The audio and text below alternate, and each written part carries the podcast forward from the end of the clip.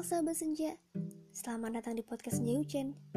Jadi, ini adalah episode terbaru dari podcast Senja Hujan. Di season 2 ini, aku bakal bacain surat dari seseorang yang mungkin ini adalah surat yang belum sempat tersampaikan sama orangnya langsung. Semoga kalian suka dan semoga memotivasi. Dan yang terpenting adalah jangan bosan buat dengerin suara aku. Selamat mendengarkan.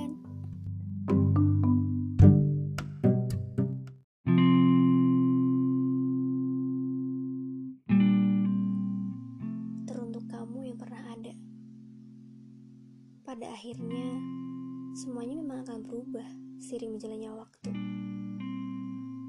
Dulu, kamu adalah penyemangatku. Kamu adalah alasanku untuk tetap terus bertahan. Sampai-sampai aku sadar kamu mulai menjauh. Dan aku tuh berpikir, ada dan tiadanya kamu itu sangat berpengaruh dalam hidupku.